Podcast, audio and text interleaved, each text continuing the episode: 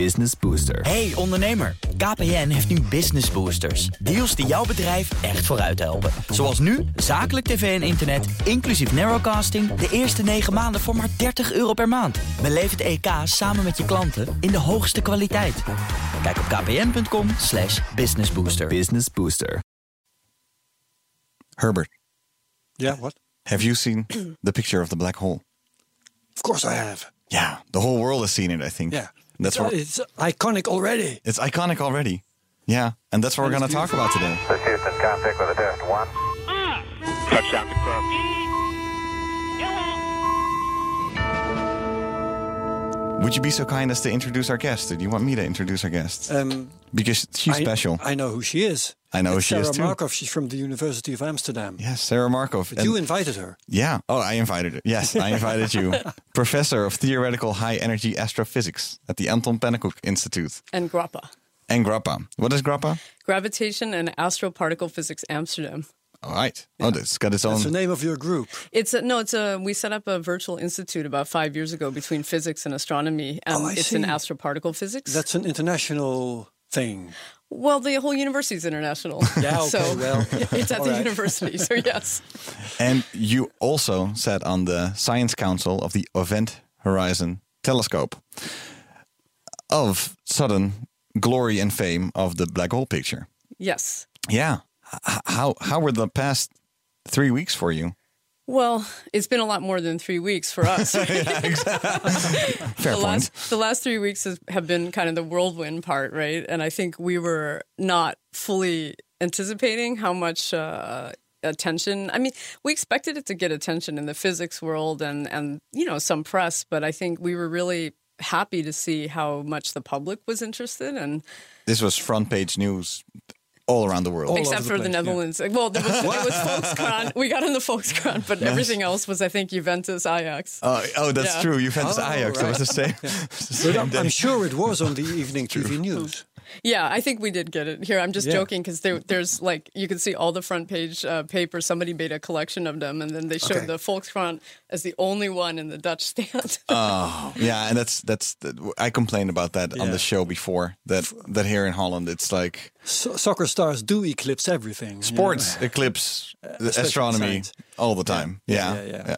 But so this we're gonna talk today extensively about how you got to that picture and what your role was and and black holes in general. Try not to cough in the mic, sorry. yeah, and you have uh, a little bit of a hay fever uh, problem. Yes, it's the Got al- tulips. Yeah. The tulips. the tulips are in flu- full bloom, people. exactly. But first, we're going to go to our stories of the week. Hmm. Um, I have something that maybe ties into this whole thing. Well, So let's it's have as a short introduction. Yeah, um, I was just. Uh, uh, um, it's just a, a personal story.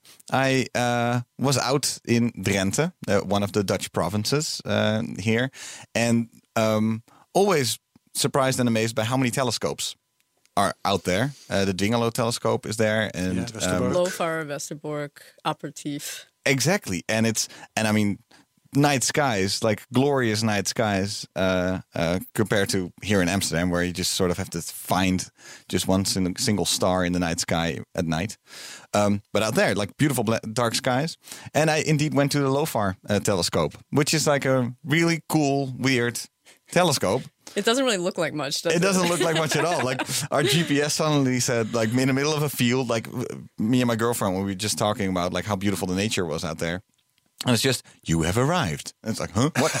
what? I, see just a bunch of birds and some and, and some fields, but uh, indeed, it's a collection of antennas. Um, not only there, but then spread out throughout Europe as well. Um, I think it's. I'm, I'm looking at you now, Sera, as well. I believe um, it, it, it it's a low frequency telescope, and it's the uh, sort of threads, uh, metal threads. I'm not sure, copper or something. Um, th- those are the antennas, but then it's basically the fact that all this data is sent to one central supercomputer in Groningen, city up north. Um, and it sort of creates this sort of like virtual telescope. Out, it's a collection of all these different antennas collected to create I one mean, it's single exactly image. the same principle as a, as the Event Horizon Telescope, and it's not a new principle, right? This is Ah. something. I mean, interferometry is the the technique of stringing together different telescopes so that you can make a kind of virtual larger telescope. And Interferometry. yeah, it's called interferometry. Uh, so we never say it. We There just go. uh, usually use an acronym. it's the I. the eye thing. Yeah, yeah. Very long baseline interferometry is VLBI. Yeah. yeah. And and so that's my story of the week. I just for Easter I went out and I saw this telescope and I loved it because it- it had like the um, it had some information there and there was indeed not that much to see, but then again Yeah. there was. So I thought it was cool. We had a real struggle. So I, I used to be part of it. I'm a, I've sort of backed out of that now because Mm-hmm. I've, I focus on other things. But um, when it opened, we had to come up with something. The Queen came, Beatrix, to the opening, and we had to think of something uh, kind of exciting to do. You know, you press the button, but it's not like you can make these things turn or do something cool like you see with uh, the big dish arrays. Mm-hmm. And we made a lot of jokes about what we could do. But in the end, I think what they did was actually passive radar tracked for helicopter. uh, you know, as it came in or showed showed that on on the computer. I'm Oh, not yeah. sure the Oh, really? security people like that that much, actually. Oh yeah, yeah, and it's it's a really cool. It's a nature preserve as well. It's a, this really odd circle in the middle of nothing. but you know why you do you Help me. put things in the middle of nothing, right? Mm-hmm. Yeah. Because you're trying to get away from radio inter, uh, interference from cell phones, from other stuff as much That's as right. possible. And cars. and cars and anything else. There was actually a a, problematic television they had to get rid of at one point from a farmer. True You story. mean uh, an actual TV set inside a home? Yeah, so it's almost like an urban legend, but apparently there was a, a old farmer guy who had a TV, and it was like the old vacuum tube kind, and it was shooting out all sorts of emission, Oh, and they had to go try to give him a new TV, and he was very suspicious. You can have it here. But there's not that much out there. But there is still something out there. It's like there a road runs sort of through it, and uh, there's not cities nearby, but it's a few small towns. Is that not a problem for something yeah, like that? I mean, you have to correct for this, right? But the less you have to correct for, the easier it is. So it's always generally you want to try to get away as much as you can. Now, of course, in the Netherlands, you can't get that far away, but that's why most radio telescopes are like in the middle of the desert in Australia Yeah. or South Africa. They or are so something. crazy Yeah. sensitive. Yeah. Yeah, so I was uh, even amazed that that a, a, a, a um, really like densely populated country like the Netherlands Yeah. still had that many telescopes. The fact that you can detect a microwave oven miles away, Yeah. you know, Yeah. that Yeah. it can it can be They're very, disturbance. very sensitive. And Yeah. in fact, uh, some of the interference, you could get Danish radio stations as they were bouncing off planes. Uh, you know, so there's a lot of passive Oh, passive wow. radar is one way that you can detect things, and it's been used by people in industry as well. Yeah, and this is low frequency. It's not one of the telescopes that you use. No, we're at the opposite end. So Oh. low frequency is uh, very long waves, Mm-hmm. and basically it was very hard to to um, to do for a long time. And it took supercomputers to be able to do these correlations you were talking about, both at the low end and at the high end of the of the band, the radio band. Yeah. Goes for orders orders of magnitude, decades in frequency. Yeah, I have a lot of questions about that, but I'll I'll hold out for one second. Uh, Herbert, you had something. Yeah, I have a story too. Uh, break, big breaking news. It's called. Let me get to the headline. Pepsi drops plans to use orbital billboard. Oh no! Well, I think if they if they drop the plans, that'll be okay. um, the story is um, they were um, investigating um, the, the the idea of uh, well launching an orbital billboard uh, bearing their uh, their brand name or their logo. via a Russian company called Start Rocket. Okay, And you can go to their website, and we could is see it at night or something. which is startrocket.me. Okay. and I, I would say leave me out of it. But uh, okay. Um, the funny thing is uh, a line that you'll find there: "Space has to be beautiful." Get this: with the best brands, our sky will amaze us every night. Oh, I mean, come on, What a horror! Yeah. Not to mention probably illegal incredible. for you know protecting skies for science, right? I mean, yeah, yeah. could be. Could Well, be. Think to have- about it. Yeah. There's not enough inspiring stuff out there. No, we need, no, we no. need Pepsi we, billboards. We need some logos. yeah, we need some logos. Space has not been branded Bring in- enough. bring in the logos. Yes, welcome to Coca-Cola Everything Venus. like that yeah. sounds like Blade Runner, right? You know, it's just this kind of. I'm so happy that that it's we, an incredible story. this is un, So we, we found this under say- good news. What? Did they say why they were they forced to, to put Well, uh, down, you, you won't be surprised. There was some con- controversy around Mm. this. and although nothing that reached me uh, up to this point, but um, I'll read you another line. The, the PepsiCo comment We can confirm Start Rocket performed an exploratory test for stratosphere adver- uh, advertisements using the Adrenaline Game Changers logo, whatever that may be. Company spokesman told Space News April 15th. This was a one time event. We have no further plans to test or commercially use this technology at this time. That's wonderful. Thank they you. They thought better of it. To, that's that's the short Somebody version. helped them think better. Yeah. Yeah, I hope so. So, uh, well, these, these plans pop up every once in a while, you know. Oh, yeah. So, yeah, they're- There was an idea of a fake moon, right? Also, do you remember that one? yep.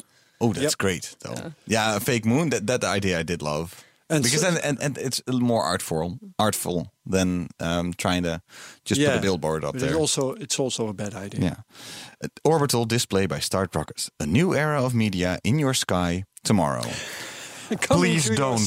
Please tomorrow. just don't. I mean, it's a way to guarantee a captive audience. I guess. Yeah. May, maybe also get them interested in, in, in astronomy. Would that be impossible?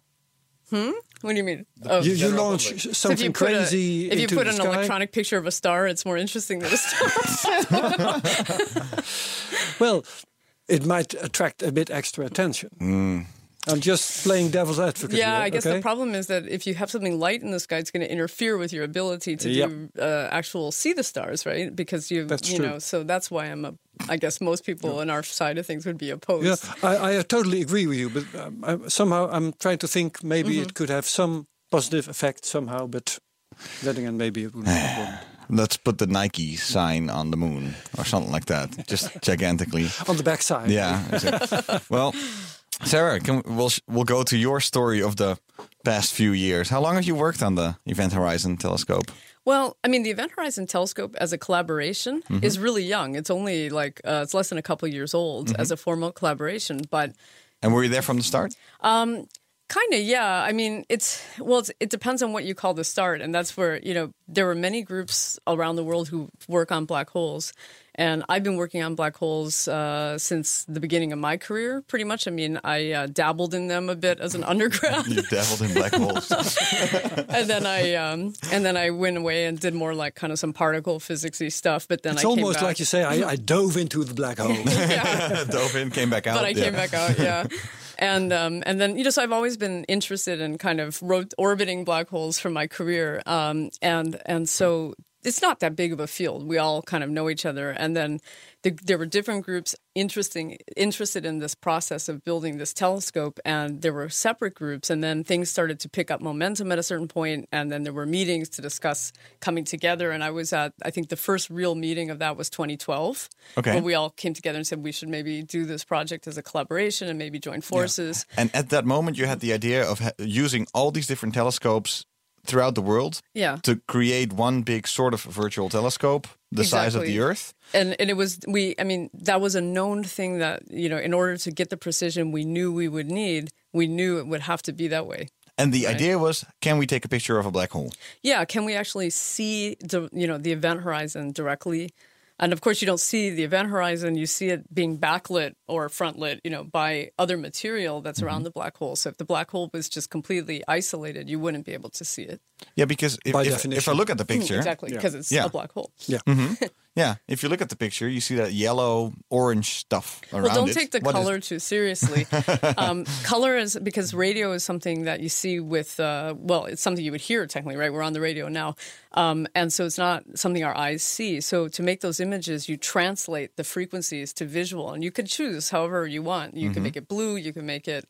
Um, but because the gas around the black hole is very hot, uh, the decision was made to make it kind of fiery colors, right? To Oh, try yeah. to give you that feeling. Yeah. So that's all artificial. Yeah, it Yeah. could have been pink. Yeah. It could have But- been but- yellow. So what do you Yeah. see? There's light there, and Yes. So, so talking That's about my the event question. horizon is, it, I mean, I understand the black hole because there's a black hole in, in in the middle, and then what's that light around it? What do we that's see there? all the stuff that's basically um, moving um, either in orbit or being expelled. We're not sure yet which. Um, very close to the black hole.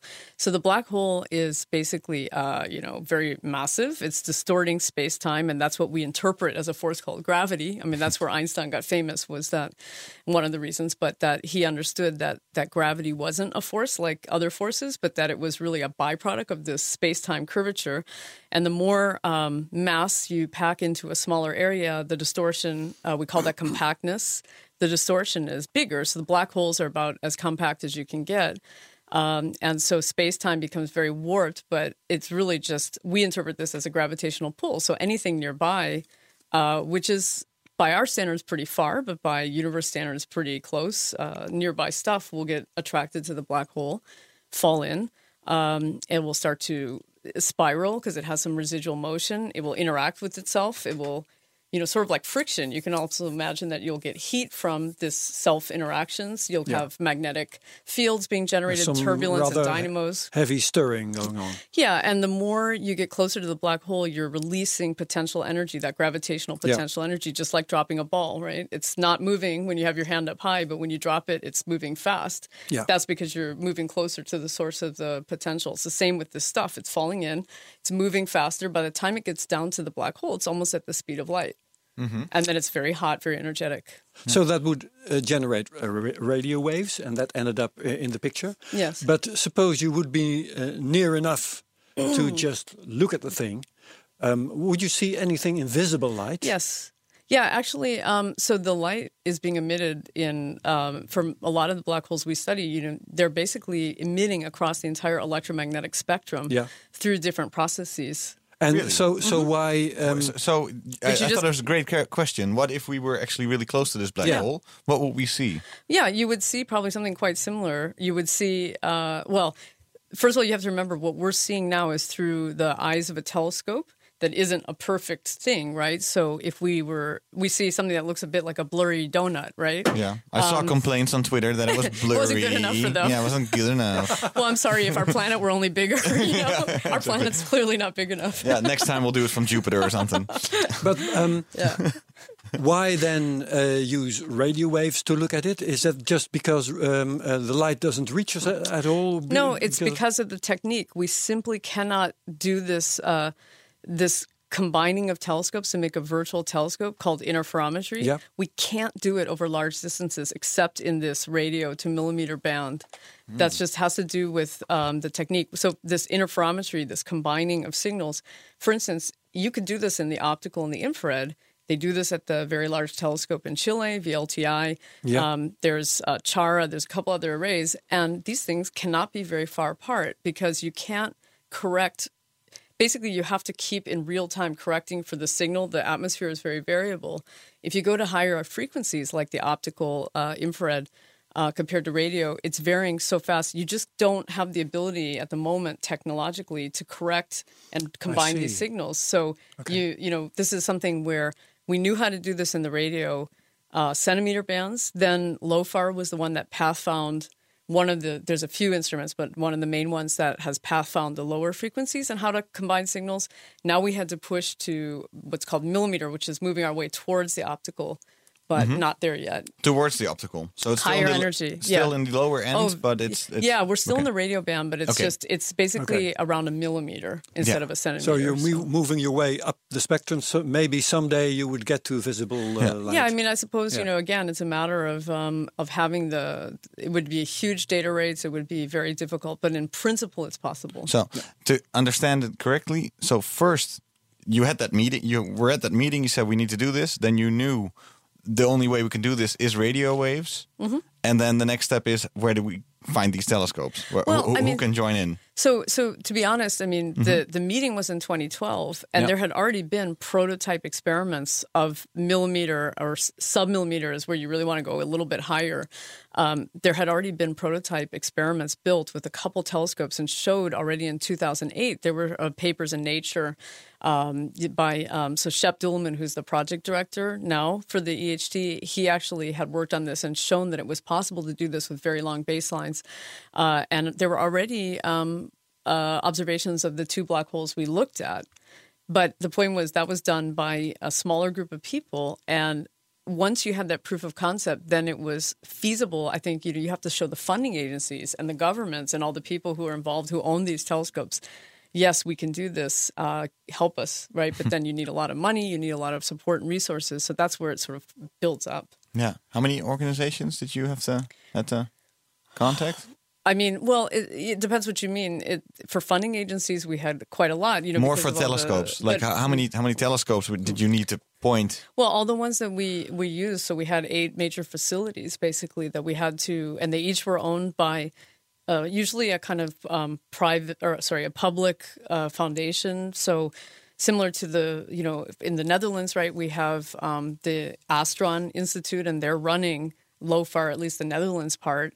Then you have international institutes that run each of their own ones, and a lot of these were owned by national institutes, and we have uh, the way it works to use telescopes in general is that usually about once a year, sometimes twice a year, there's a competition basically where you propose and you say, I would like to use your telescope. You know, here's a form and here's what I want to do. Yeah. Here's why it's feasible. And then there's a committee of scientists who peer review it. And then usually the more competitive a telescope is, the harder it is to get time.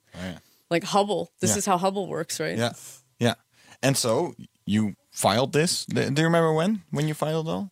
Well, um, oh gosh, I mean, you're getting into some of the earlier politics. I think the biggest Yeah. issue was we needed to get ALMA, which is uh, it was a relatively new millimeter array. So it it on its own is the best millimeter array that does interferometry, but it's smaller and it's built in the Paranal um, in Chile, like very high up in the mountains. And it was built not to do this. You know, it's just a telescope. It has its own design to do a lot of things with astrochemistry, star formation, study other kinds of black holes. You know, it's a it's a it's a workhorse, one of the largest workhorses in the in the world, and it's a big international project we needed to get that to operate as one single telescope, which means you have to phase together all these different, uh, you know, uh, telescopes that are there into one, and that was a bit of a political thing, you know, because not only ALMA's run by a consortium of many countries, it had to be decided that the will was there, then the money had to be there to do this, and the technology. So that took some time. Yeah. And it's a schedule thing Mm-hmm. also, I guess, because you need all these telescopes at the same time. Yeah, exactly. And so it's this complicated dance that from the basically from the prototype we knew it was possible, but we knew that we needed Alma phase together as really the kind of ring that binds them all, right? I mean, yeah. It's the thing in the center and it helps stabilize all the others. And only once we knew that Alma could join us was it possible to do the full run, and we needed that to happen, and that was why it happened only in 2017. It took that long from Wow. early days, um, people had thought about this even back in the 90s. The first prototype of Event Horizon Telescope, as as we think of it now, was with three telescopes in 20, 2008. Then it took 2012 was kind of people coming together, already trying to work with ALMA to get this phased up. And then by 2017, we had that and these other instruments, and we had the time proposed. But we're we had to get They all it at the same time. Yeah, we they all to had to look at the same time. So we had to all look at the same time uh, across the array. Um, it's not strictly true. In some case, we use a subset for some north. You know, you can't see from planet Earth. You can't see the same sky all the time at every part, right? I mean, the Earth is not flat. it's not flat. Um, although, Although some people think otherwise. Good thinking, guys. but if it is flat, you would. Thank I guess you. you wouldn't be able to see the other side. Of, I don't know how that works, Hmm. but um, so uh, so we have some sources like M87, for instance, that doesn't didn't use the South Pole telescope because the South Pole is too far south to see M87, which is more in the northern part of the sky. And then similarly, we have you know when we look at Sagittarius A star, South Pole telescope becomes very important. But ALMA's always there in the middle, seeing you know these. So that's why it's very important. Whatever source you look at. Yeah. And uh, so again, how many telescopes did you use? Well, I mean, so again, you know, it depends on how you define a telescope. There's a But, yeah, myriad you- if you you define put it them for me. inside. Yeah. I mean, there's sort of the eight major facilities uh, that were spread out across the world. Eight eight major facilities, Mm-hmm. yeah. all with a sometimes array of different instruments. Trying Mm-hmm. Some to, are single dish, some were an array, and then we had to get them to talk to each other and. Yeah, Well, and that means writing same, a lot of software, I guess. Yeah, so in fact, uh, similar to LOFAR, which you mentioned, it's ba- these are like a lot of. We can almost say they're kind of half software. Yeah, The software is critically important. yeah. And I uh, I heard a story about a whole bunch of hard drives having to be flown from A to B. What was Yeah. that story all about? Well, so basically, um, the amount of data that you take is something like six petabytes. six petabytes. Yeah, so so- six thousand terabytes. Exactly. Yeah. So if you imagine thousands of these hard drives that you would have, um, that's a lot of volume. And so these literally, there's no way we currently have to pass this data uh, using, you know, a f- optical fiber or something like that. So they literally have to be packed up in crates from the in, from the telescopes and shipped to the correlators, where you have these supercomputers, one at MIT Haystack, one at uh, Max Planck Institute for Radio Astronomy in Bonn, and these are two big hubs for radio astronomy. And that's so. And then you feed this this these hard drives. You feed it into a supercomputer. More or less, yeah. And so the point is, right, that um, what you need to do is you, you need to have um, the telescopes are looking in real time, but then later you pack up all the data and you have to then ship it back and then put all this data back together in real time. So the way that that works is you have to time tag the data. And How have- long were they looking for? well, so we had. Yeah, that's another question. Uh, because you you got to. We basically were given a window of around ten days, but then within that window, I think in 2017 we had five or six nights, and then per night, per source. I mean, we were looking for something like 17 hours on one source, maybe 20 on the other, but in total over the week. And then what we did was um, there was a group that came up with the scheduling, and they were sort of the you know the gods of scheduling right i mean they would sit and juggle all this and we started calling it sudoku because it was like this complicated thing and they made pre-selected tracks on the different sources knowing you know at a given time which sources were visible which sources were our priorities and which were less because we were looking not just at the two that we could see the event horizon but um, several other sources that are either used to calibrate those sources, but they're also interesting sources as well. And these are all black holes, but some you Okay. can't see the Oh, so- horizon. okay. Other objects in the sky. So Yeah, the they're one called you were- active galactic nuclei. Yeah, active. galactic nuclei. Nuclei. That's what we call any supermassive black hole in the center of a galaxy that's doing something interesting. And which one did you pick? Which one was did you really want to take the picture Well, of? we the only two that we think we can see the horizon of all the black holes in the universe right now are M87, the one that we just published, and then the one in the center of our galaxy, Sagittarius A star. But we also looked at about seven, I think, six or seven other ones. Some were science targets for other reasons, just because it's still interesting to see that close in. We're really interested in these things called jets, which are being uh, expelled basically at the speed of light, huge structures that alter their even host galaxy. And we've never been able to see the bottom of these things. So we wanted to be able to try to see as close as we could. What do you mean, the bottom of a black hole? No, the bottom of the jets. The, bottom of the- the jets? Basically, these huge structures, we Yeah. can see them um, extending beyond the galaxies in some case, and they we think they're very important in cosmology.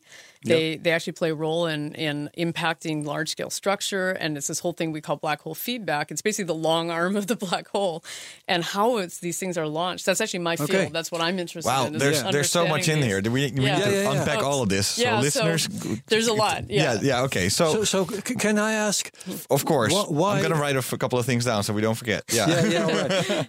um, you, you, you're telling us that in all of the universe there are two black holes that were um, uh, sort of fit to be photographed in this way. Yeah, at the Why moment. Why just two? Well, it just has to do with um, there are black holes everywhere. Yeah. But the size that a black hole's event horizon is going to fit on the sky Mm-hmm. is basically dependent on their mass and their distance. It's basically Yep. the ratio of their mass over Bigger distance. mass means bigger. Yeah, bigger event horizon. Bigger hole, yeah. Mm-hmm. Which means bigger size. Sure. And then distance means it's going to, you know, get smaller, right? Yeah. So if you just think about a light bulb or, So you they know, Mm-hmm. need, need to be either big enough or close enough. Exactly. Okay, yeah. And so M87 is a monster black hole. It's six and a half billion times the mass of our sun, and it's about 55 million light years away.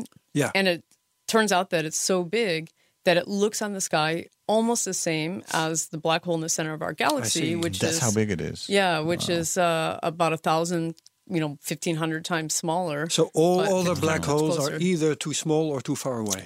Yeah, I mean, so there there's a gazillion black holes out Yeah. there, right? But the having one that's big enough, close enough, um, we and then of course we're limited by the size of our array.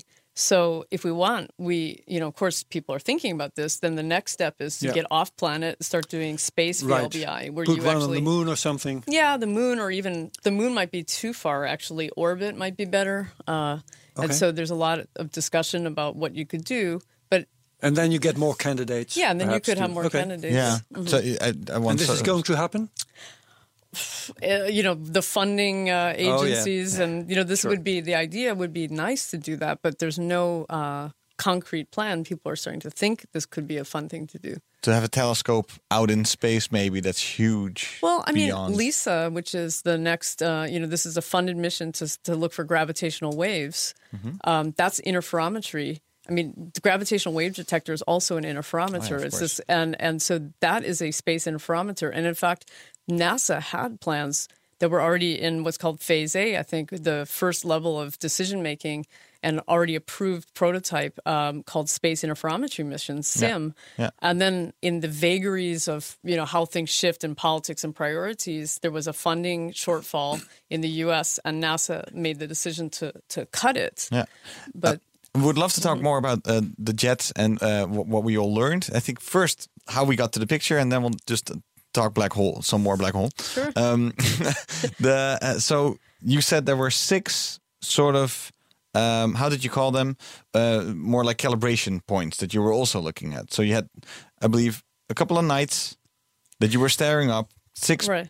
petabytes well, petabytes so- of data. So you want to? Sorry, I'm not sure. You, six. You're talking about the number of nights we looked, or the number yeah, of but, sources. but I'm just or- trying to see, get like a comprehensive picture of like how much effort because it's it's insane the amount of effort that went into this and how big of a So it's it's a project this basically um, there there was a lot that went into this because in order to take a good image, you need to have good uh, telescope conditions across the array, and that can mean a lot of different things. That means the telescopes have to be working well.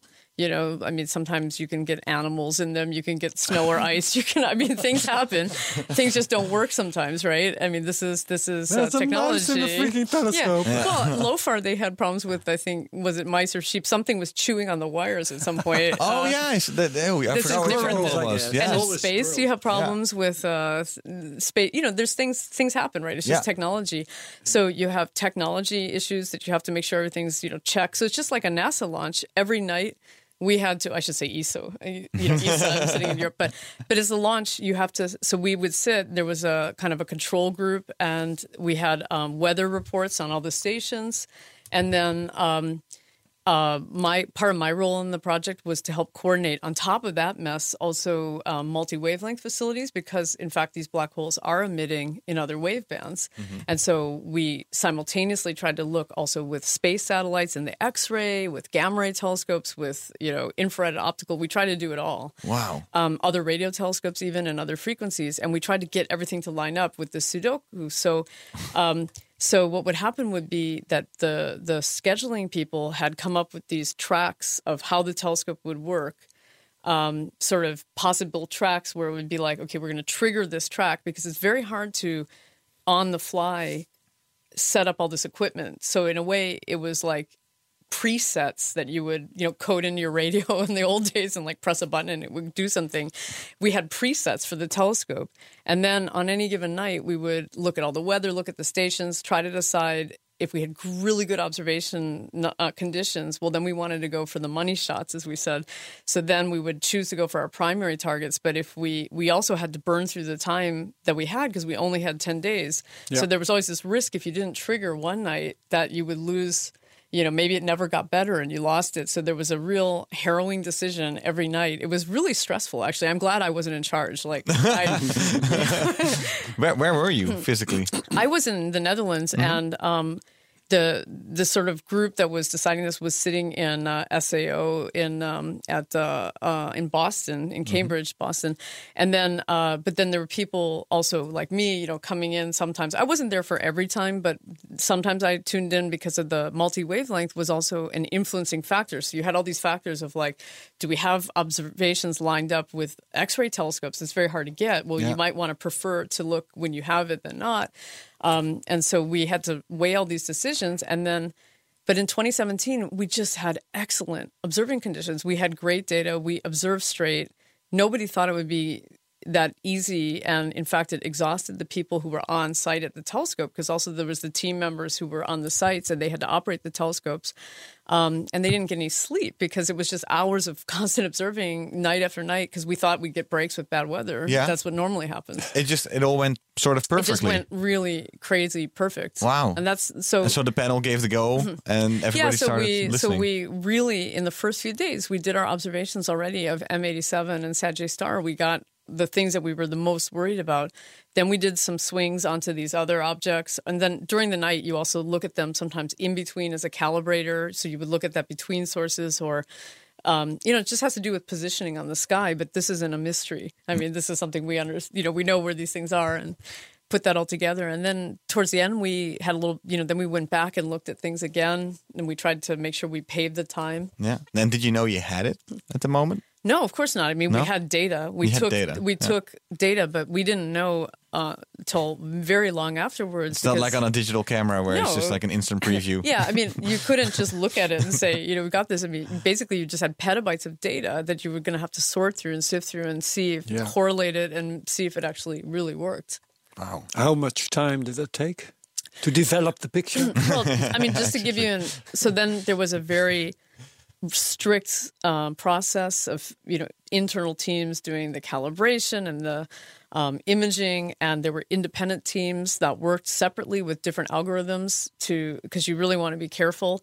And the time, the date we sort of consider really that the collaboration got to see, you know, the wider everybody got to see was July 2018. okay. So it Of was over a year later Oh, wait, okay. wow. Over that we year got to actually see the first image. That's really crazy. I mean, I mean, in, uh, at a time when you're used to doing click clack and you have to have the picture. Mm-hmm. Yeah, it's it's kind of delayed gratification. Yeah. incredible. Exactly. It's much more time than I thought it would it would be. Yeah, but you have to remember this was a new technology. Yeah, It- sure. I mean, it just takes time. And for instance, you know, we had to ship all this stuff, and that takes time. And then you had to deal with this correlation and all the the techniques and and different teams doing things. It was just very large amount of effort. Yeah. Yeah. I- I saw Oh, a, okay. I saw a TED talk by uh, Katie Bouman. Yeah, of course. And Yeah. she's one of the people working on the algorithms for the on the algorithm, right? Uh-huh. Yeah, she, one of the people who, who th- then had an algorithm. She she didn't have a background in astronomy, but in imagery, imaging. Yeah, 'cause she was a computer. She's actually uh, just starting a faculty job at Caltech in computer science. Yeah, computer Mm-hmm. science. And um, in that talk uh, from I think two years ago, That was from her PhD thesis. from a I think. PhD Yeah. thesis, uh, I must say that the pictures that she showed looked eerily s- similar to uh, the, The, final thing. The final thing. Uh, Yeah, well, that's because I mean, we were, you know, it wasn't like a total mystery what we were expecting from the Mm-hmm. theoretical side. yeah. As physicists and as astronomers, you know, we have an idea, a pretty good idea actually, of what's happening around black holes and how they work roughly. So the um, we were using those simulations. Like that's part of what I do in my group as well. Is we take a basically computer and we put a black hole in it with warp space time and we throw stuff on it and then we, you know, see and then you try Yeah, to make yeah, yeah. fake images from these simulations. And so we had a ton of those things in the bank, and then we were making running the image processing on that before we actually had access to the real data to practice. Yeah. This is totally clear, but I'm going to tell you, Thijs, uh, what was eerie to me, at least at the time. Um, uh, when uh, this photo had appeared in the press, I went uh, uh, on the internet and started loo- looking around, and I found this video from a channel called, Ver- called Veritasium. Do you know it, yeah. Sera? But you, Thijs, do. yeah, yeah, yeah. I love that and channel. um, yeah. this guy had an explanation of, and he the video appeared before Mm-hmm. Uh, the press conference and everything, so he didn't know the actual picture. Yeah. but he set up an explanation and blah blah blah blah. Yeah. and uh, in the end of his of his video, Mm-hmm. he said, "So what the picture that's going to g- going to be published soon will probably look a lo- lot like this." And there was an eerie similarity Yeah. Uh, between what I had in the meantime seen in the press and what he predicted that would be there. Yeah. With, yeah. How is that possible? Well, Well- just be, We- we- because the theory said it would look like Well, I was that. gonna say, it just Yeah. I think it's a good sign that we're, you know, we know what we're doing more or less on the physics side. There's a lot Yeah. of unanswered questions, which is what we still need to understand. Part of what it's, you know, what's interesting is a lot of our uncertainties about the physics have to do with um, with larger scale structures, how this donutty thing, which is basically what's happening very close to the event horizon, connects to the larger scales, and the physics of that. Um, that's not what we're looking at actually. So by by looking with this precision at this high frequency, we're picking out basically the scale that is the event horizon or very close to the event horizon, and that's completely dominated by light bending effects from gravity. So you know basically gravitational lensing.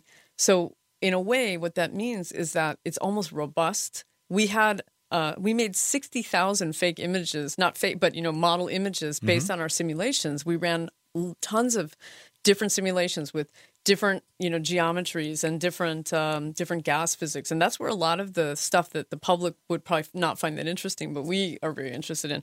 All that stuff was uh, put in, and the images more or less are robust to that because they're being dominated by the the wrapping around of space time. Yeah. Uh, so where I think it's going to become very interesting will be the future as we start to. First of all, we have a lot more in, uh, information to extract from this data. Polarization gives you information about the orientation of magnetic fields. That's extremely constraining to, for us to understand the geometry variability. So going in now, we have data from 2018 for the same black hole. We, Oh, yeah? we have to look at it again and again. We're trying to get it again for 2020. Oh, so you will be able to make an animation. Yeah, so we want to make movies. We want to understand the orientations and so on. Yeah. Um, different black holes. Event and- Horizon, the movie. Yeah. the movie. the movie. Right. Yeah. A frame a year. Mm-hmm. Yeah. And so, frame a so year. what, what will, I mean, it's always a, such a horrible question, but what will this teach us about the black holes? Like, or is this a, a method that you want to use to just step by step get well, to it's a lot of things to a lot of different people, right? So um, I think if you ask a person who's interested in specifically in uh, general relativity, right? Um, everything that we see, those models we used assumed, you know, general relativity. And we found something that seems to look pretty much exactly like you would expect if Einstein were correct. Um, and the mass of the black hole um, that you could directly get from the size basically turns out to be exactly on top of an independent measurement using uh, stellar motion. So that's very reassuring, right? There doesn't seem to be something weird going on. And then LIGO and the gravitational waves basically also seem to support uh, general relativity uh, for small black holes. So um, so from a theory point of view, as far as we can tell, Einstein had it right. There's just no reason to think he was wrong so far. yeah, you're suddenly confirming and, and, and verifying all these things that he Yeah. said a hundred years ago. Exactly. And so that's pretty interesting. Um, but then, of course, if we could. Pretty interesting. Yeah. but I mean, there's a lot of work you can do. And, and so suppose we can make our images sharper. Suppose we can increase the sensitivity in various ways by adding more telescopes, which is the next step. You know, we'll have three more telescopes in 2020. We had more telescopes added in 2018. Um, then you might be able to eventually get a sharper image of the ring and um, and the shape of that ring tells you about the shape of space time, and there might be deviations. That's something that people would like to see. Um, this starts to get into why you know people who are interested in quantum gravity have a lot of ideas about black holes and what black holes are, and on, it's been difficult to connect the the real black holes to these mathematical black holes. But we're getting to the point where maybe we can start to connect them. Uh, so that's Awesome. that's one side of it.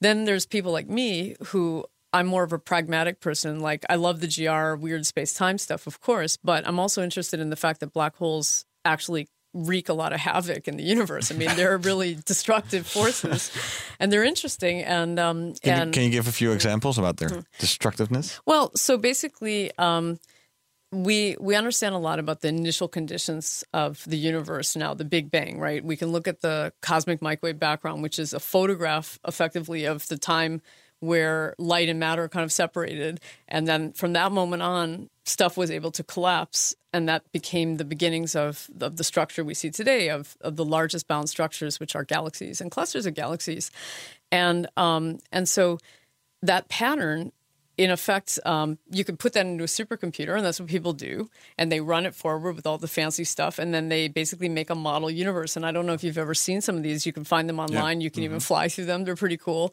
And they take, you know, uh, a gazillion hours on the best supercomputers in the world, and they make these models. Well, people started to realize, uh, even about 15, 20 years ago, that that the universe they generated, if they ran the thing forward in time, didn't match our data that the this you get this filamentary web structure of galaxies and, and clusters of galaxies, and we were getting too many massive galaxies. And So it was like we're not, get, not getting our own universe back. yeah, well, exactly. I mean, something was obviously wrong in the model. And the thing is, the only process that we can imagine or, you know, that we know of that could affect structure on this largest scales, and actually what was happening is we were over predicting the large scale structure, had to be black holes because of these jets that I was talking about they launched. So somehow, and we're talking about scales that are hundreds of millions of times bigger than the the region that launches them. So they're just enormous. These jets, These jets, they, hundreds of millions of times larger. I mean, and if you look online at some of the talks I gave, like for the press conference or also at South by Southwest and things, I give some pictures of this. You can see them. But we see these things, and they have to be launched from black holes. We don't know any other process that can give you the energy. what's in this jet? It's um basically just mm, um, very hot plasma particles. We're not entirely sure of the balance between those particles and magnetic fields, so that's one of the questions. We actually don't really understand how they can be f- squeezed. You know, the stuff is being sprayed out from the black hole Yeah. nearly the speed of light, and it's like a fire hose that goes out through the galaxy, beyond the galaxy, stays completely intact. And when it gets out there, it just dumps a bunch of energy and messes with the environment and it heats up the gas and prevents star formation. That's one of the things it can do. Prevents it. Yeah, because stars can only form when gas is almost as cold as space. So when you heat it up uh, by dumping all this energy, then, uh, and it's not just the jets. I mean, that's a simple story, but the black hole can also give off winds. The formation of the black holes can also generate turbulence and heat. There's a lot of the, the, the growth of black holes throughout cosmic history has been linked to the growth of structure. And there's this back and forth that we want to understand. So, I mean, that gets way. It's not really what the public normally like thinks about with Yeah, black holes, but black that's hole what is- I'm interested in them for. Yeah, black Yeah. hole is a black hole. It's something that nothing nothing leaves from it. It it, it Yeah. eats everything. But you're saying that there's actually a lot of energy going around it. Yeah, And these jets. and they create uh, they're they're very visible they're very important we think that these are also the sites of the highest energy cosmic rays we see these extremely high energy particles from space uh, and we think that these are the sort of CERNs of outer space you know that are accelerating these things Particle accelerator. Yeah. Exactly. Yeah, yeah. Is there a jet? Basically, uh, how do you call it? Shooting our, our way. Is there is there a jet that we can look straight into? Yeah, there are many. Um, when you look at distant uh, other galaxies, there's just you know they're randomly oriented. So there are some that are pointed directly our And way. shooting through us right now. Yeah, but Yeah. I mean, you know, we don't. There's far enough away that it's. I mean, what I'm is that? There's 300 neutrinos going through your thumb at any given time, or something. Mm-hmm. right? But uh, so are these coming from black holes then, or Some of them, yes, the high Yeah. energy ones. Yeah. Uh, when you're saying it's shooting out particles, I'm always like wondering what kind of particles then? What what what sort of thing comes out of a black well, hole? Well, I mean, so some of the particles are imagine that these are just dredging up material that's falling in. So it's whatever star stuff and gas, and it's it's going to be a representation of the gas that it has available to suck up Yeah. that gets shot out. And a lot of it will be some particles may be created in the extreme magnetic field. So you'll have like uh, electron positron pairs. Then particles can collide. Like uh, two energetic protons or an energetic proton and a photon can collide, and they'll make other particles like pions, and then they'll make other particles. So, one of the things you've maybe heard this buzzword now, multi-messenger astronomy, and I don't know. That's that's the idea that um, when the gravitational wave source that was seen in 2015 or 2017, sorry, the um, the the binary neutron star merger, that was where everything came together. It was the first ever uh, official gravitational wave that was. Um, that had light and part, you know, and so basically these jets were also launched Yeah. in that system. So jets tend to come out when you have compact objects, strong gravity, magnetic fields, and uh, and so th- at the exact same moment, basically as the gravitational waves were emitted, gamma rays were emitted. And then a little bit later, you had radio and optical and infrared and all this other stuff came out. And uh, studying all that together gives you a picture of the physics. And that's why we tried to do the same thing with EHT, that we try to combine the Event Horizon the Event Horizon Telescope. Telescope with these other things because at the same time we're seeing the root of the system. We also want to study the jets with the other telescopes and look at maybe stuff coming out. Yeah. The black hole in our galaxies flares about once a day uh, on average, and It flares? yeah, and we see these flares in the X rays and in the infrared.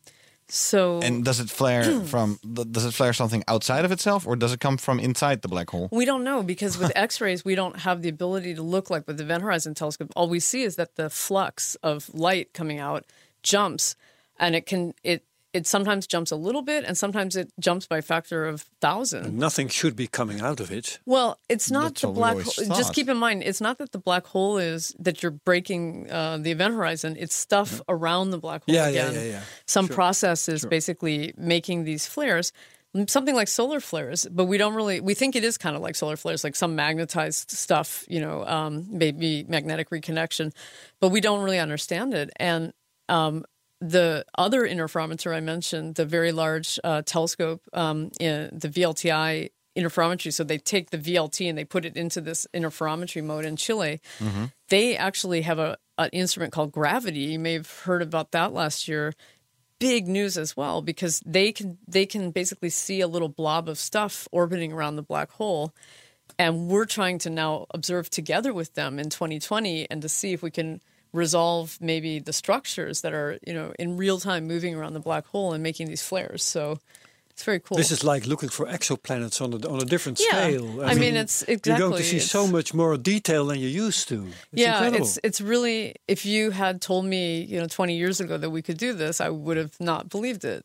Neither would I. Yeah, because and, and that's what's so mind blowing about it. Because we all think that a black hole was was sort of like a nothing, a, a- a pit in which things fall, but now it seems to be way more alive than we thought it were. Well, it's were. all gravity, right? It's just the fact that Yeah. it's a sinkhole. So it doesn't even, for the sake of this stuff, a lot of it, it could just be a, a you know really heavy rock, right? But it's just the fact that it's an extremely compact rock. yeah. Um, yeah. Uh, because these jets are shooting out, is it also possible that a uh, black hole will die out and become something else?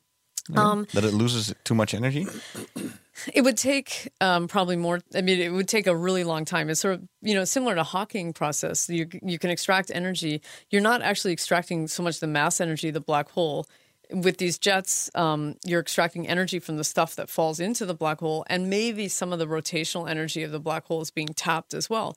So you could spin you could spin the black hole down by doing these this jets, um, but you're not going to probably you know uh, make the black hole evaporate at no, this yeah. stage. Yeah, It, it won't evaporate No. or turn into something else. it would, or it would, maybe it will.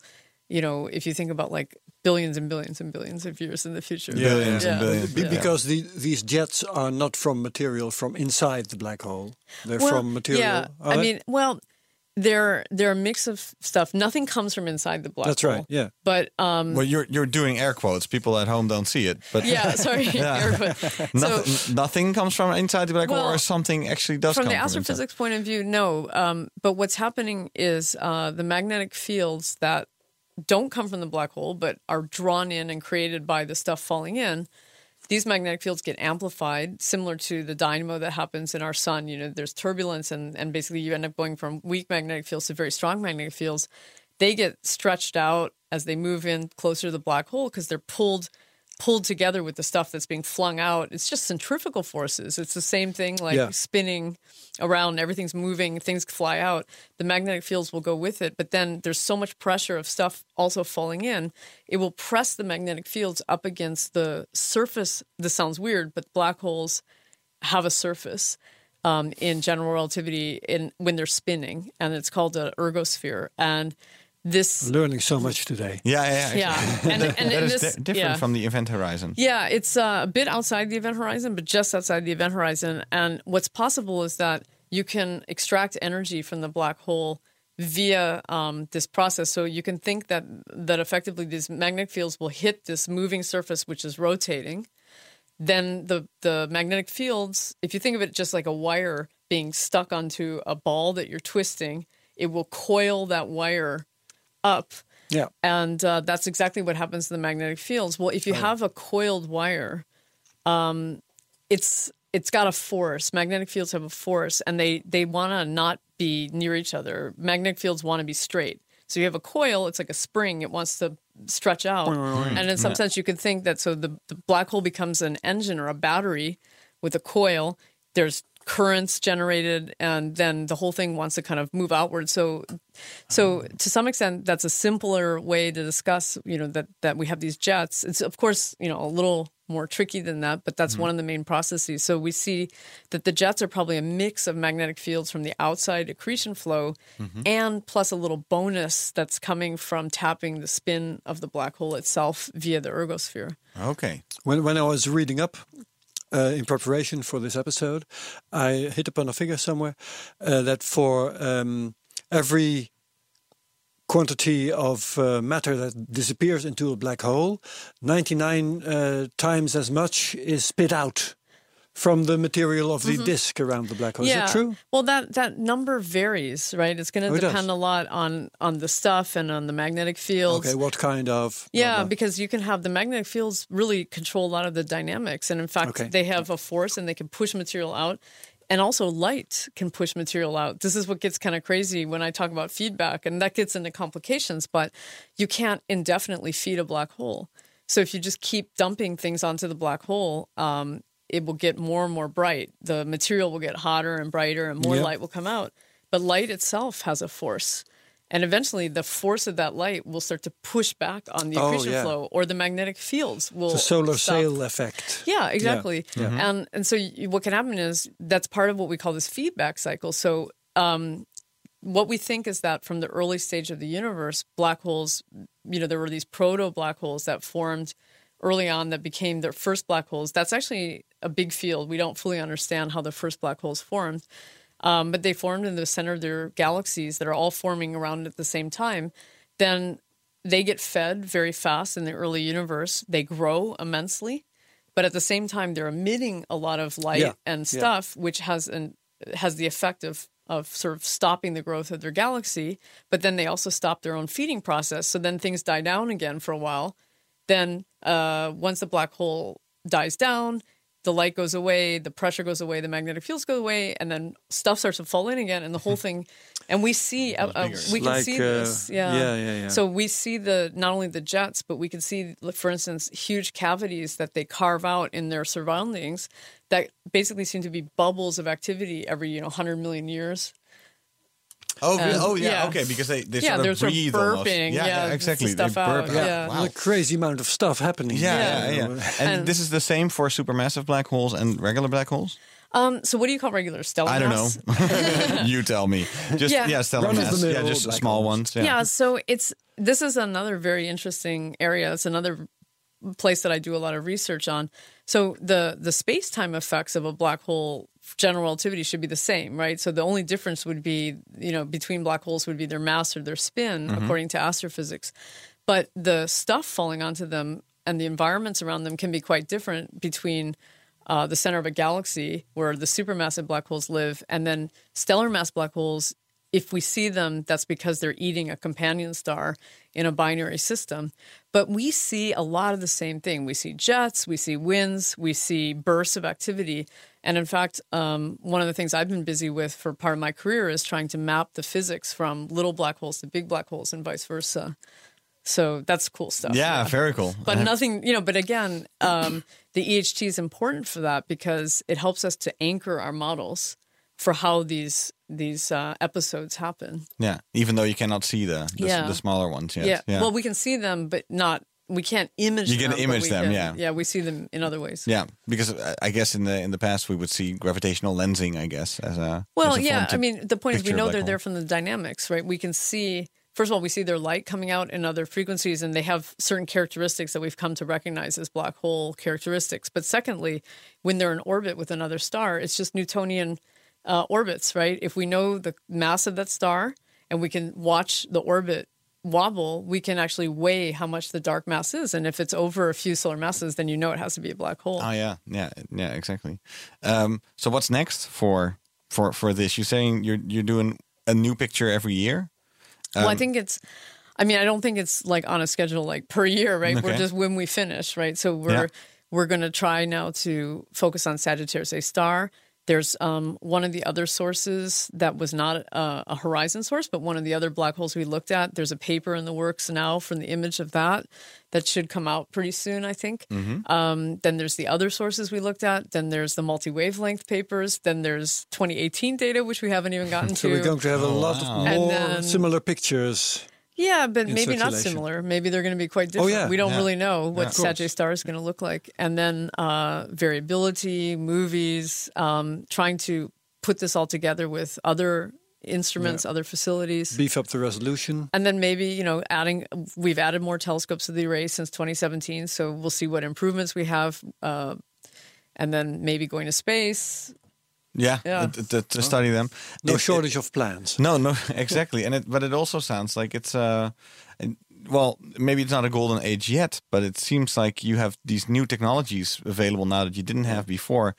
That makes you makes it possible for you to study all these I mean, gigantic it's, not, dense it's a objects. golden age for, for gravity, right? When Yeah, you think about it, it's only the last four years, right? Four. That we saw gravitational waves in 2015. So it's just been insane. Yeah. It's the comeback of gravity. It's eh? really, comeback of yeah. gravity. I don't know if it went away, but Gravity never really went away. yeah. It's all, all back in fashion now. Yeah. But it's really, I think it is a revolution. And as we start to really be able to combine, I think the, the holy grail in some sense now is combining gravitational waves with um, particle signals, so neutrinos and cosmic rays and light, like getting everything to come together. That's what we, and so we call that multi messenger, but that's, that's really where the field is going to a lot of and uh, will I mean will it he- help? The more we understand for, of all of this, I guess, will the more we start moving towards finding a solution for gravity and, and the quantum world not matching with each other, right? Yeah, I mean that's the hope, right? I think that would be really interesting. There's a lot of ideas out there. Um, some of the more interesting ideas about um, alternate theories, other than general relativity, involve different shapes of the metric around the black hole. So we maybe could probe that with better precision telescopes with EHT. Um, there's ideas about uh, almost like vibrational modes of the event horizon. Maybe if you can get, I find that probably the problem is, you know, there's a lot of ideas about what you might see, but they're all underneath the threshold of astrophysical uh, facilities. So Well, you proved that technol- technologically it's it's it's possible, to raise the bar. Yeah. Exactly, exactly. And so I think the question now is how good does it have to be to be able to test some of these ideas? And people are definitely thinking about it. Um, w- there are actually already um, people are simulating. For instance, there's still some people who say, okay, maybe this isn't a black hole, maybe this is a uh, gravastar or a boson star. Right? We need to do a new show. What what is Yeah, it, what, what yeah. is it? What is a gravo star or I boson? forget what a gravastar is. It's something else, but a boson star is basically. I mean, it it sounds pretty weird. Bosons are just other kinds of particles. It's a mm-hmm. it's a, Oh, it's a basically a, big. B-O-S-O-N. Yeah, it's just right? basically Yeah. a kind of a big particle field yeah. That can mask itself and conglomerate and look like a black hole in a lot of ways. And you think, Kidding. well, that's kind of crazy, but then so is a black hole. So I don't know. I mean, neutron stars, neutron stars are totally bizarre. White dwarfs are pretty weird. The fact that it's crazy doesn't prove that it can Exactly. exist. So you know, when you Right. think firsthand, like this is crazy. I mean, the fact is, like, there's no reason it couldn't be there. I think there are some problems with these models, but anyway, the but but th- people are actually taking the same kinds of computer simulations and showing that, for instance, in some ways they can look a lot like the black hole. Um, when you throw material onto them, and I think in many ways they probably won't, right? So then you can start to rule out certain kinds of scenarios, and and you're gonna try and poke poke these objects to see if you can figure out what they're actually doing, what they're poking. I mean, you know, you're looking at them, Mm-hmm. but I mean, it, it it seems that something that was such a mystery 40 years ago, 30 years ago, is now layer by layer. You're actually seeing. At, Yeah. at least you're starting to know where to look. I think uh, you know when you think, uh, you know, again, like it was just a hundred years ago that we started to understand that we don't live in this Cartesian universe, right? That that the universe is actually made of many dimensions, and that we experience three dimensions of space, but the fourth dimension, time.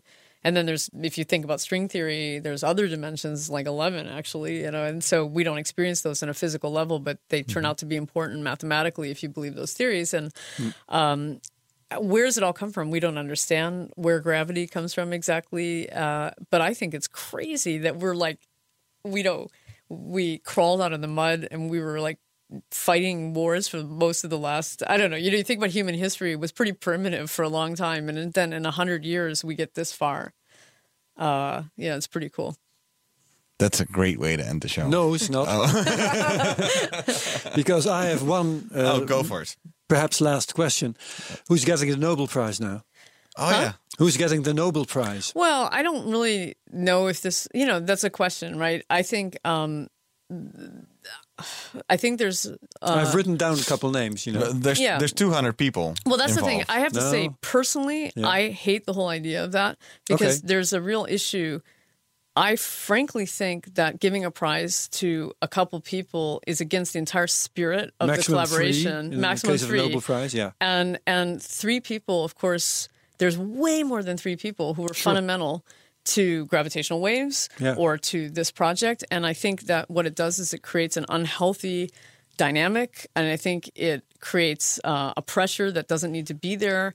So i'm actually really not interested but um, i think you know my feeling is that maybe this is too close to gravitational waves i don't know that that it would be considered close enough that it's not going to get a nobel prize because it's Okay. in the same vein i don't know Yeah, yeah, yeah. yeah. um, but I, I really, um, I think it's a destructive thing. I much prefer things like the Breakthrough Prize, where the entire collaboration gets awarded, right? Or, Yeah. you know, where that's recognized. It's a nicer thing. I think the Nobel Peace Prize over the past organizations sometimes Yeah. yeah, organizations Yeah, yeah, or ideas or Right. yeah, So yeah. I think That a lot of us would idea. rather see that the Nobel kind of modernizes Yeah. into recognizing that these are collaborative efforts. Because as you also with the media, there was this need to create a narrative of the lone wolf or the hero Yeah. or the victim yeah. Yeah. that I The saw driving quite- force the driving whatnot, force. And yeah. there's a lot of different people who contributed very fundamentally. And this really was a team effort. And I kind of just Yeah. wish you know, isn't it kind of a nice story for the era that everybody's getting along and working across borders and we Exactly. managed to do this thing? And science is the hope of humanity, right? In that sense. And Selma said the same thing. Selma the main, Oh, yeah, yeah, Selma, your uh-huh. colleague that Yeah, we had on earlier. It's the same thing. I also, I believe I, I, I said something about a person standing up and yelling "Eureka," and she's like, Yeah. "No, Yeah. no, that's not We're how, not that, that's not that how science works." yes, I got schooled. yeah, but I think that's I think it's also destructive in how it gives this perception of kids. You know, kids get turned off to the idea of doing science because there's this myth or this persona that they see. They Yeah. think that you have to be some kind of loner sitting in Well, but don't you think room. that can inspire as well? I don't know. I don't really think so. Think about social media. Obviously, people feel the need to feel connected all the time now, and uh, and so if you tell people who maybe even more than in the past need to feel connected constantly, like our youth today, that the idea that they might have to work in isolation, which isn't true anyway, but if they have that perception, I can see why that would turn them off to science, where of course it's extremely collaborative and. Uh, yeah. But sometimes it helps to have heroes, doesn't it? you know, I don't know. I, I I know that it does in certain narratives, Yeah. right? But I feel like it's been almost more destructive lately for science to keep trying to heroize individuals when you have Sure, yeah. um, these teams. Because you get fights and who got left yeah, out. And exactly, and it yeah. creates other narratives that are maybe not so healthy for the collaboration. Yeah, so I, true. I personally think, at least in, when it comes to science, it's maybe nice to think about. Yeah, there's people who came up with great things, and we should celebrate them. But usually, these things don't happen in isolation. Einstein was building on the work of other people, and in fact, incorporating the work of people he was in almost daily contact with. You know, he didn't come up. The Schwarzschild radius didn't come from Einstein. That came from Schwarzschild. yeah. Sure. So Yeah. people talk to each other. Okay, Yeah. You just made me decide on the spot not to read aloud uh, the list of names that I have. Exactly. yeah, I wouldn't, I wouldn't, uh, I wouldn't do that game. yeah. No. We would also rehash very like a whole bunch of controversy on, on that that happened on the internet after this whole thing. yeah, that I and thought I, was in- I really incredibly found it, annoying. I found a lot of that controversy just totally made up. Yeah, Yeah, totally made up. So let's not do that here. Yes, we're making a statement by not reading your list. Thank you. That's right. yeah. Hey, Sera, happy. thank you so much for being here and uh, and and explaining this all. And I hope uh, it wasn't too technical because some of it was getting a little technical. yeah, there. but that's that's what I love about uh, all right. being able to do this show. Is that um and so also for the people listening, uh you you get more than an hour to talk about this. Yeah, it's nice, Just so that we can do those things and we don't have to. Exactly. Yeah, I mean, there's always people listening who understood every word you said, and some people don't. Yeah, hopefully, and they're probably saying she said it wrong. yeah, exactly. We'll correct it, then we'll have a new conversation. Or some people decide, hey, let's Google that. Yeah, exactly, exactly. Yeah, it, it, it, it, I, I saw a Dutch host once, uh, Matthijs van Nieuwkerk, fam- famous host. He said in every conversation you sometimes have to, you know, mention a few things that people don't understand, so that at least have something to aspire to still. So it's, uh, uh, but but who knows? I love I love this all. So thank you very Thanks much. Sera. Thank you. Yep. Yeah, and thank you, Herbert. Thank you, Thijs. Thank you for to all the listeners as well. And uh, quickly next week, do you know? Um, no, not by heart. Um, um, we're going to talk um, with our uh, dear friend and colleague Yuri Oh, Yuri is there next week. from BNR. Yeah, so next going week to tell us all about the all the upcoming space events. Yeah, so like it's gonna be- launches and everything. after all these conversations that we had with wonderful scientists about all these amazing findings, we're now just going to do a, updates about what's, What's happening, what's going on. launched yeah, what's going because we missed a whole for. bunch. Yeah, we missed so much already. So that's Yeah. up next week. So Yuri is back after two months of absence. exactly. Thank you all. Thanks. Bye bye. Bye. Bye. Thanks. Business Booster. Hey ondernemer, KPN heeft nu Business Boosters. Deals die jouw bedrijf echt vooruit helpen. Zoals nu, zakelijk tv en internet, inclusief narrowcasting... de eerste 9 maanden voor maar 30 euro per maand. Beleef het EK samen met je klanten in de hoogste kwaliteit. Kijk op kpn.com slash businessbooster. Business Booster.